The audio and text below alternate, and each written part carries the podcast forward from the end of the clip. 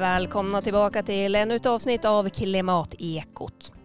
Vi har en rekordvarm septembermånad bakom oss och idag var det dags att ta fram dunjackan här i Umeå. Och med de elpriser som har varit de senaste åren så önskar man nästan att man skulle kunna stoppa in hela huset i den där dunjackan. Men det kan ju bli lite svårt. Som tur är finns det en rad andra saker man kan göra för att minska sin energianvändning i huset. Och det ska vi grotta in oss i idag för vi ska prata om det nya småhusstödet som numera finns. En småhusägare kan få upp till 60 000 kronor i stöd för att energieffektivisera sin bostad. Och expert på det här det är ju vår alldeles egna Torgny Fors, energi och klimatrådgivare på Umeå kommun. Hej Torgny! Hejsan hejsan, tack för att jag fick komma hit. Hur är läget? Ja men det är jättebra. Det är som du säger, det varit varmt och skönt ute så det är inte riktigt så att man tänker än på de här kalla dagarna men det börjar krypa på så att eh, det är väl dags nu att göra något om man inte har gjort det än. Eller hur? Har du skruvat upp elementen hemma? Nej, jag, jag höll på att säga jag, jag är en sån där som trivs med kylan så att jag, jag har gärna några grader kallare. Ja, du har det. Ja. Jag har märkt att man får börja sänka värmen i sovrummet nu. När det ja, precis. Det, det, fjärrvärmen har dragit igång här inne i stan och då, då, då blir det lite för varmt till och med. Ja, precis. Men hörru, vi ska prata om eh, småhusstöd för det här är ett, ett nytt stöd som nu finns och som har sitt ursprung i en EU-förordning som kom i fjol och det syftar till att minska behovet och efterfrågan på el och gas inom EU. Och nu har det här då genomförts i Sverige. Vem är det som kan få det här småhusstödet om vi börjar där? Ja, nej, men precis som du säger. Det, nu, nu ska man kanske börja och säga att det är extremt ovanligt med gasuppvärmda hus i Sverige. Men det finns några fortfarande, främst på västkusten. Så att det, det, det är en del. Men i och med att det här är ett EU, EU eh, grundtanke så, så eh, följer det med om man säger så. Däremot har vi väldigt mycket direktverkande el i hus fortfarande. Och eh, hårdrar man det och kollar här uppe hos oss så är det ju bara eh, direktverkande el som där stödet gäller. Då. Och ehm, då, då kan man säga så här att det finns även en liten lapsus. Har du en gammal luft-luftvärmepump som är äldre än 10 år, då kan du också byta den. Mhm. Men det bygger på elen då, så det, det är elen som är det styrande här uppe. För att den då drar för mycket el. Ja, exakt. De är, de är ineffektiva. Och ska man väl hårdra så en, en luft-luftvärmepump den drar ju ändå hälften så mycket energi som ett direktverkande element. Men de här nyare som kommer, de är ännu effektivare. Och eh, det, det behövs eh, ännu mera effektivisering. Ja men just det, då kan man ju ändå tänka att tio år det är ju inte jättegammalt om man satte in en för 11-12 år sedan då. Nej, nej precis. Och det är ju det är en skarp gräns också. Ibland kan man ju fundera, jaha men eh, de köpte ju en vecka efter oss och de kan få stödet. Men ja, det är ju så med regler, någonstans sätter man en gräns och då, då är det så. Och då, då kan man ju säga att eh, Eh, det här stödet, det, det gäller ju, har man inte rätt till det just nu, då kan man ju vänta lite om vi pratar att det är någon månad tills det blir tio år. Men är det så att den bara är nio år, då, då kommer det här antagligen att passera förbi en. Å andra sidan, en nio år gammal luft-luftvärmepump är ju bättre än den som var för elva år sedan. Så att det där har du ju skillnaden. Samtidigt, ett litet stickspår det här då så kan jag inte låta bli att undra över klimatpåverkan av att köpa en ny luftvärmepump. Ja, nej men det är ju egentligen inte det som man har tagit höjd för i det här stödet, utan det här stödet handlar ju egentligen om att vi har eh, energibrist i Europa, eller de, de frågorna som har med effekt och, och, och el att göra. Eh, och exakt vart den där gränsen går på klimatnyttan, eh, det tror jag inte någon har tittat på helt enkelt. Nej. Så det är som vanligt, det har vi ingen, ingen större koll på. Nej, men å andra sidan vet vi ju att eh, i alla fall där du jämför med direktverkande elen och luft, luftvärmepumparna som är nya, då, då har du ju en skillnad där på, på sikt i alla fall som är till fördel för klimatet att man byter. Ja, men just det.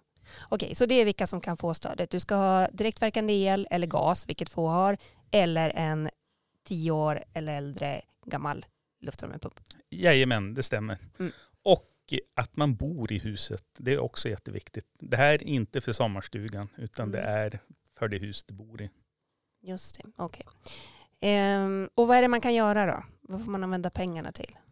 Ja, ja men det är eh, ganska mycket och som du sa också att det, det här kan användas dels för att byta värmesystem och ytterligare för att energieffektivisera huset, det vill säga isolering och, och, och sådana åtgärder.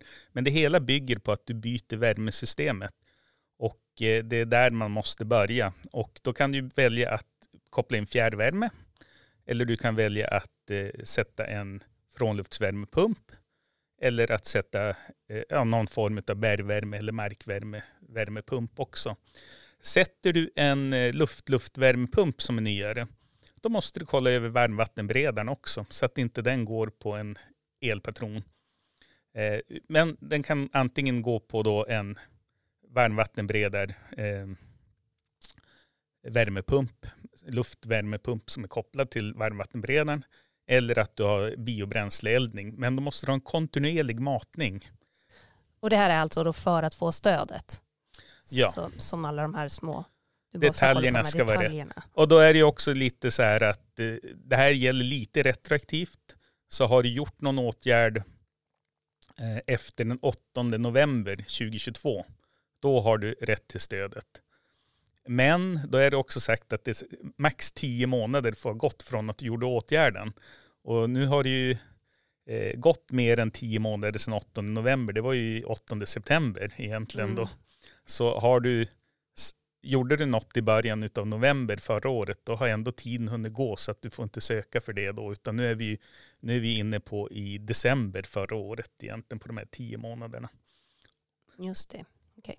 Och om man behöver lite, alltså vart vänder man sig när man ska söka ett sånt här stöd och och när man ska få veta alla de här detaljerna?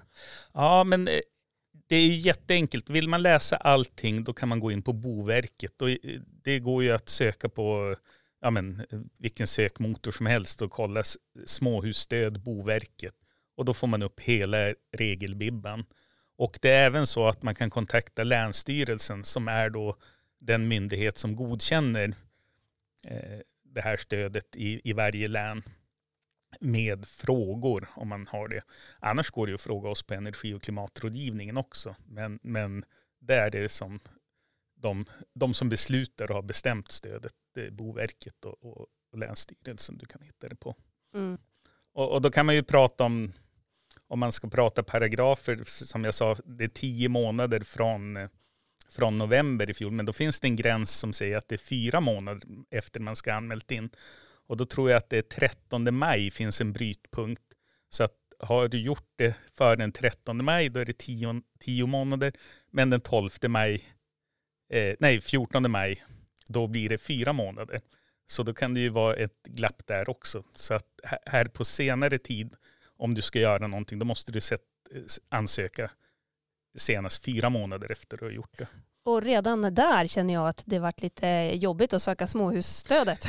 Ibland, ibland kan det vara det. Men, men det är, man måste ju känna till det också så att man inte bommar det. Ja. Och då kan man väl säga att om man har gjort en åtgärd Eh, i slutet på förra året och under våren, då behöver man kanske inte känna den här paniken direkt, utan man har lite tid. Men har man då gjort eh, där under senare delen av våren eller nu, då ska man ju veta att det är ju ändå en begränsad tid. Sen gjorde man det tidigt i fjol, då har det ändå gått tid så att det, det är ju ändå kort om tid. Men det är lite för att det här kom ju i juli i år.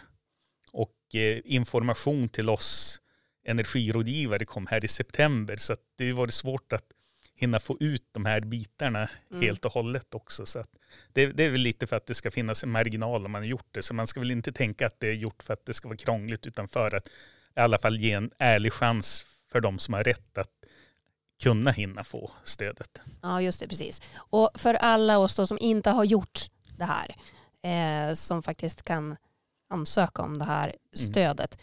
Eh, jag tänker att vi ska bara lite snabbt recapa. Vi har ju haft tidigare avsnitt om energieffektivisering och hur ska man välja och vad ska man, vad ska man ta? Är det fjärrvärme, bergvärme, jordvärme eller är det luftvärmepump? Ja, men, nej, men det, det, där kan ju alltid komma och, och argumenteras Så det beror ju på om man kollar rent ekonomiskt, man, kollar man systemtänket, vad vi har här på plats eller eh, vilken åtgärd man gör. Och jag, jag, tänker i grunden landar man ju in på att de effektivaste är ju bergvärme och eh, eh, fjärrvärme däremellan. De är ganska likvärdiga de här, även, även markvärme då, eh, rent ja, men, funktionsmässigt. Sen detaljer kan ju alltid putsas på, men det är alla de här systemen som finns, även då frånluftsvärmepump som finns med som en, en åtgärd som brukar väl, om vi Prata med, med energikunniga i norra Sverige kan det vara lite klent i det kallare klimat i alla fall. Att de gör en jättenytta i södra Sverige det, det är ju helt säkert. Men här kan det behövas mer stöd, el för en frånluftsvärmepump eller att man har en, en, en bio, något biobränsleeldat. eh, mer, ja men kanske mer än bara trivseleldning för att det ska räcka till. Eh, så, så, är de ju ändå bättre än, än den biten. Och då, då får man ju se och bolla vad passar det här huset bäst helt enkelt. Ja, just det. Precis. Um, kan man få rotavdrag samtidigt som man får det här småhusstödet? Jajamän, det stämmer. För att det här stödet är ju egentligen för materiälen och rotbidraget söker du för arbetet. Så att det, det går bra att kombinera. Just det, då kan det bli ganska bra ekonomi på det, eller? Ja, alltså, någon kommer ju alltid tycka att man får för lite stöd och någon kommer alltid tycka att det här är ju väldigt bra. Men det, det, det är definitivt ett bidrag som kan göra skillnad, så är det ju. Och det är ju det som är förhoppningen, att fler ska göra det här valet. Och blir det dessutom så här dyra elvintrar igen, då, då den som gör det kommer ju ha igen det i vilket fall. Så att man inte hinner söka stödet eh, bör man ju göra de här åtgärderna i alla fall. Sen är det här ett bra sätt att pusha de som har väntat lite länge. Mm. Och det var, det, ju många, det var ju många som eh, kände av det där förra vintern. Om man hade gjort någon åtgärd eller inte gjort någon åtgärd. Ja, nej men precis. Och det är därför också att det finns det här retroaktiva. Så att förhoppningsvis har man sparat kvittona och kan lämna in och få, få tillbaka pengar, en del i alla fall för det här. Mm. Men hur mycket pengar är allokerat då? Kommer det att räcka till alla som förmodligen vill nyttja det här? Ja, det där är ju alltid en, en fråga. Det som, det som finns nu, då, då säger man att det är kring 10 procent som kanske hinner kunna nyttja det här. Då.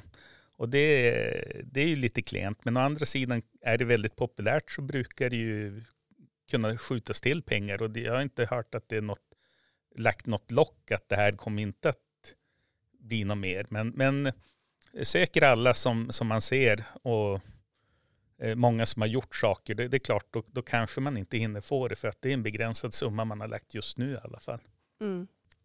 Det har ju kommit lite kritik eh, där man anser att det här stödet inte funkar som det ska. Mm. Vad är det då som har varit problemet? Är det det här tekniska runt omkring det eller? Ja men eh,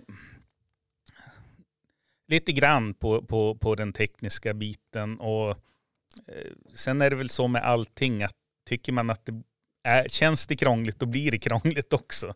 Så det, det är ju en, en eh, sån där sak. Men jag tycker inte man ska vara, vara rädd att gå vidare. Man kan ju ställa frågor. Det, det går bra att vända sig till ja, men, eh, Länsstyrelsen eller bolla med oss på energirådgivningen och, och och ja, men, få hjälp och få den här lilla knuffen framåt. Det, det är väl inga, inga problem sådär. Det, det, det många som jobbar med det här kanske främst vänder sig mot det är att det, det börjar lite avigt det här.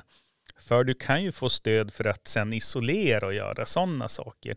Men det kräver att du ska ha gjort eh, bytet av energisystem eller bort, bytt bort den direktverkande elen. Då. Mm.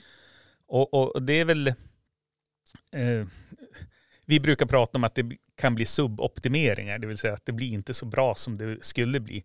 För att om du nu byter en värmepump och utgår från din gamla behov, då kanske du sätter in en, en, en större helt enkelt. Och sen gör du lite tilläggsisolering och så minskar du behovet ännu mer. Då har du ju kanske gjort, om vi nu kommer in på den här klimatbiten, att du du har köpt en för stor pryl helt enkelt. Just det. Eh, så att det, det är väl en, en befogad kritik som man kan ge att eh, man, man borde börja åt andra hållet. Sen kan det ju vara för att hålla ja, men, ordning just för att se att det här bara går till de som har det här direktverkande elen och gasen. Då, inte här uppe, uppe då, men, men att det är de som eh, verkligen använder och gör det här. Eh, visst, så kan det vara, men det blir lite omvänt. Så är det. Och det blir då omvänt i förhållande till, om man tänker, det finns något som heter Kyoto-pyramiden. Det är lite den du hänvisar till? Ja, eller? nej men precis. Och, och den säger ju att i, i första hand så ska du eh, se vad du kan göra för att spara energi i byggnaden och göra energibesparande åtgärder. I andra hand ska du göra elbesparande åtgärder. Och sen går Vilket du alltså är... eh, Ja men byta belysning till exempel. Om du har kvar eh, spottar eller något annat och inte bytt till LED. Nu, de flesta har gjort det men man kanske har gamla lysrör fortfarande. Nu, nu har det kommit både nya armaturer men även eh, LED-lysrör som man kan sätta in utan att byta armaturerna. Eh, så att det är ju sådana bitar till exempel. I tre, och sen i tredje hand då ska man ju ehm, kolla vad, vad man kan göra med, eh, med, med, med solen, solinstrålning, eh, alltså solfångare och eh, solceller. Sen har vi styrning, hur man styr sakerna och sist, högst upp på pyramiden finns det byte av värmesystem. Här blir det ju då tvärtom. Det är det du ska göra sist egentligen. Det är det man ska göra sist. När man vet vilket behov man har och man har minskat alla onöder. Eh, så att man inte köper för stort eller investerar för mycket. Å andra sidan, man kan ju göra uppskattningar. Eh, men det, det, risken är ju stor att det kan ju slå åt båda hållen. Det, det, går inte att göra isolering som man har tänkt för att det är någon bärande vägg eller någonting. Eh, eller också går det att göra mycket bättre och så får man bättre effekt av det man har gjort och så har man, blir det för stort. Så det är en risk att ta det där spetsen först. Just det. Och då om jag förstår det rätt så kan jag alltså inte få det här stödet för att exempelvis tilläggsisolera min vind om jag då inte först byter värmesystemet. Precis. Så att har jag ett bra värmesystem då får jag ingenting. Det är så jag ska tolka det. Ja, nej, nej precis. Mm. Och, och, och det, det är ju eh, det kan man ju fundera på för att de som har bra värmesystem med fjärrvärme eller bergvärme eller eh, ja, markvärme till exempel. Då. De kanske ändå har ett stort behov av att göra isolering och, och byta fönster till exempel. Eh, och det, det kanske skulle ge en, en mycket större effekt på, på de hushållen. Men, men här har man ju då valt att fokusera just på direktverkande el och gas och då, då, då krävdes det att det byts bort. Mm. Och, men det ger en risk för den här suboptimeringen som, det, som man säger då. Just det. Mm. Ehm, men nu går vi mot kallare tider. Vi har haft som sagt program som, där vi helt har fokuserat på energieffektivisering men vi tar en repris. Om vi då börjar längst ner i den här pyramiden där man ska se över. Ja, nej men det, Vad ska jag göra? Det enklaste att börja med det är ju det, är det här vanliga, lite tråkiga. Har jag bytt lister? Ja, men känn listerna i fönster och dörrar. Är de att de, de eh, fortfarande känns, att de inte har stelna, alltså torka ihop, utan att de, de är följsamma och, och sluter tätt. Ja, men då är det ju lugnt. Men annars kan man ju säga att vart femte år ungefär, då behövs de bytas. Eh, du kanske har tur och att de håller tio år, visst, men man ser ju de som aldrig har bytt överhuvudtaget. Det har suttit i 30-35 år och där, där blir det ju ett läckage. Sen hänger ju det lite på vad man har för ventilation också. Eh, med, med självdrag till exempel, då ska det ju komma in luft från olika ställen i huset. Men risken med att det kommer in i fönstren det är att man känner drag och att det kommer in på fel ställe istället för de här ventilationsöppningarna man har. Till exempel där eh, man har en uppvärmning också så att man får kallras och så drar man på ännu mer energi för att värma upp för att man, man tycker det blir kallt. Så det, det, är väl en sån här klassiker att börja med och kolla listor och, och tätningar och sen får man gå på isoleringen på taket och kolla. Mm. Så det, det, är väl de två absolut lägsta. Sen kan man ju ta hjälp av termografering till exempel.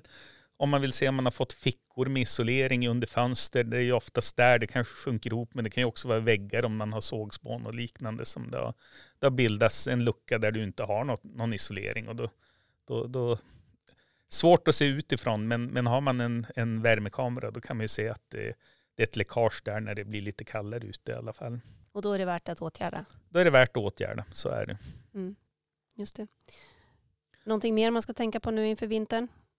Ja, nej, men det, det, är ju alltid de här bitarna att eh, man kan ju alltid fundera. Vi såg ju folk gjorde jättebesparingar. Det var ju väldigt mycket folk sparade in.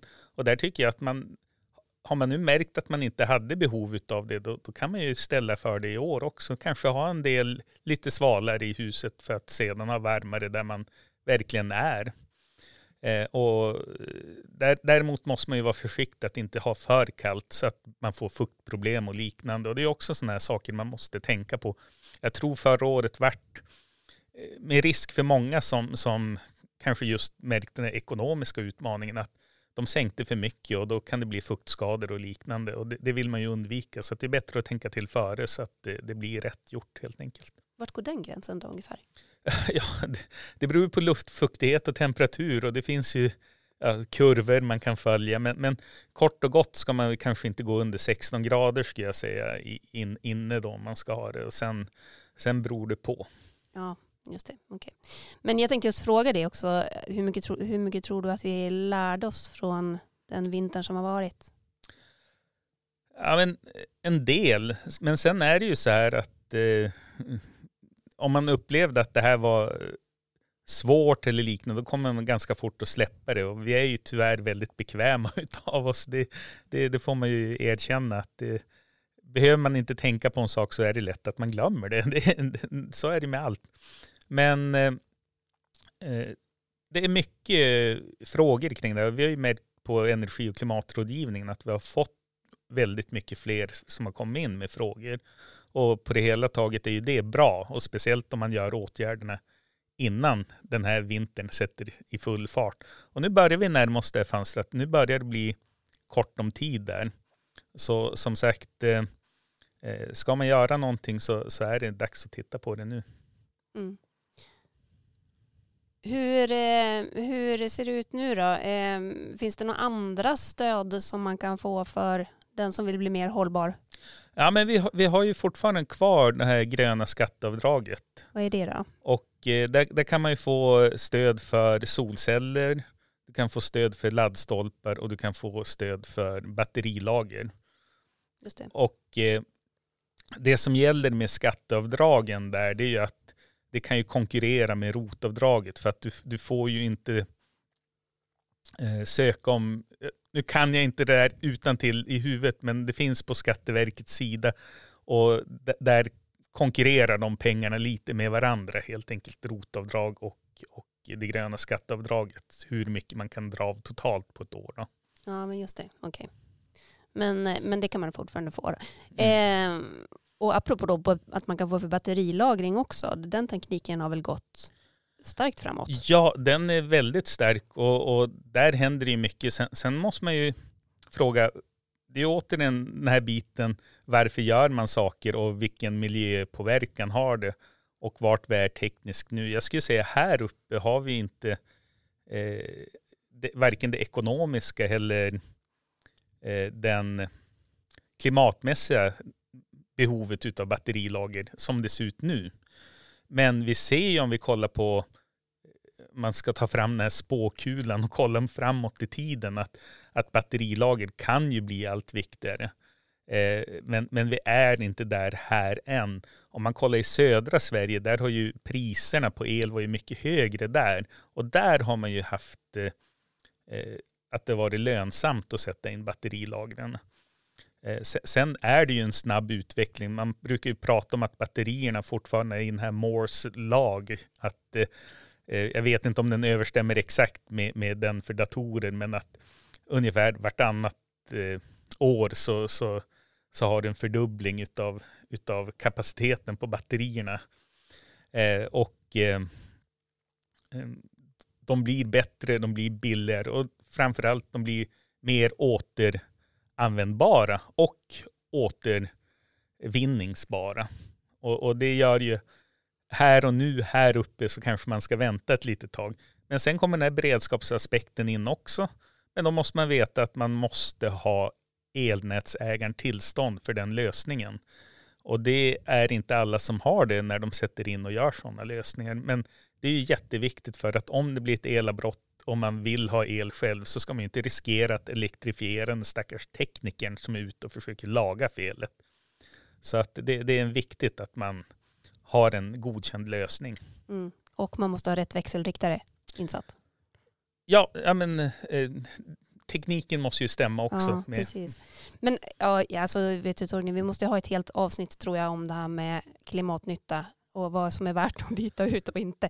För det, jag har tänkt mycket på det där just med hur allting går framåt så mycket och ta till exempel utvecklingen på solcellspaneler. Mm. Om du har solcellspaneler som är fem år eller kanske börjar bli äldre än så, tio år, är det värt att byta? För, fördelen med dem är att jag skulle säga att det, de, de behöver man ju inte byta. Det är ju det, det positiva med dem. Däremot så, de har en viss, eh, men, de tappar lite i effekt med tiden. Men vi har ju sett här uppe där vi har ett, ett kallt klimat så har de ju klarat sig mycket bättre än i världen i snitt.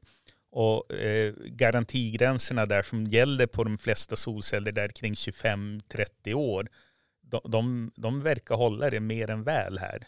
Eh, riktigt bra. Och då, då är frågan kanske mer att ska jag komplettera om jag har mer behov? Men förhoppningsvis har ju du gjort åtgärder så att Just du har mindre det. behov.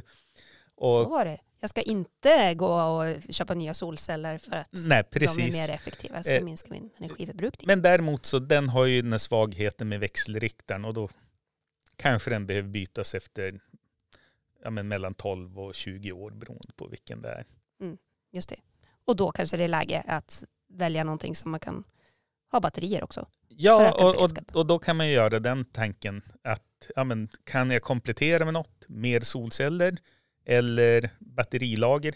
Eller ska jag ha en som jag kan koppla in till bilen? Och nu är vi ju i det här para- paradigmskiftet där att kanske bilen får bli ditt batterilager med det som kommer. Mm. Men det beror på. De bilarna i fjol, då tror jag att det var bara en enda bil som hade teknik för det.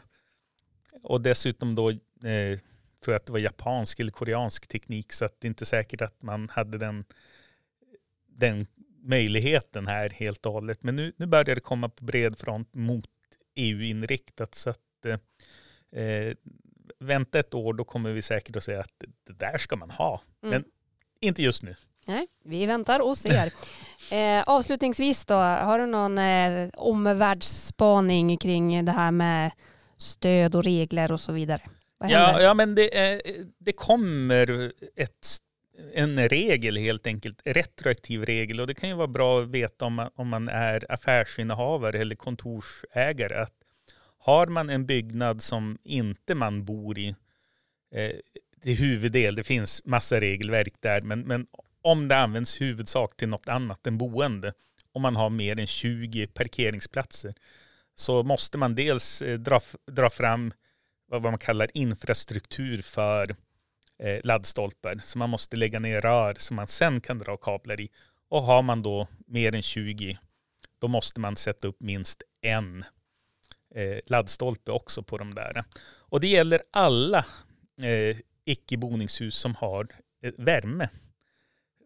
Och det där kommer att bli en, en, en väldigt intressant att se hur man utformar den regeln här i Sverige. För att hårdrar man det så skulle det kunna drabba föreningar som har en uppvärmd värmestuga eller något liknande och kanske inte har den ekonomin. Men vi får se lite vart det landar. Men det, det, det är en sån här sak som kommer. Och den gäller ju så kallat retroaktivt så att det spelar ingen roll att den regeln inte fanns när du anlade parkeringarna utan det, det gäller eh, från 2025. Ja, just det. Mm.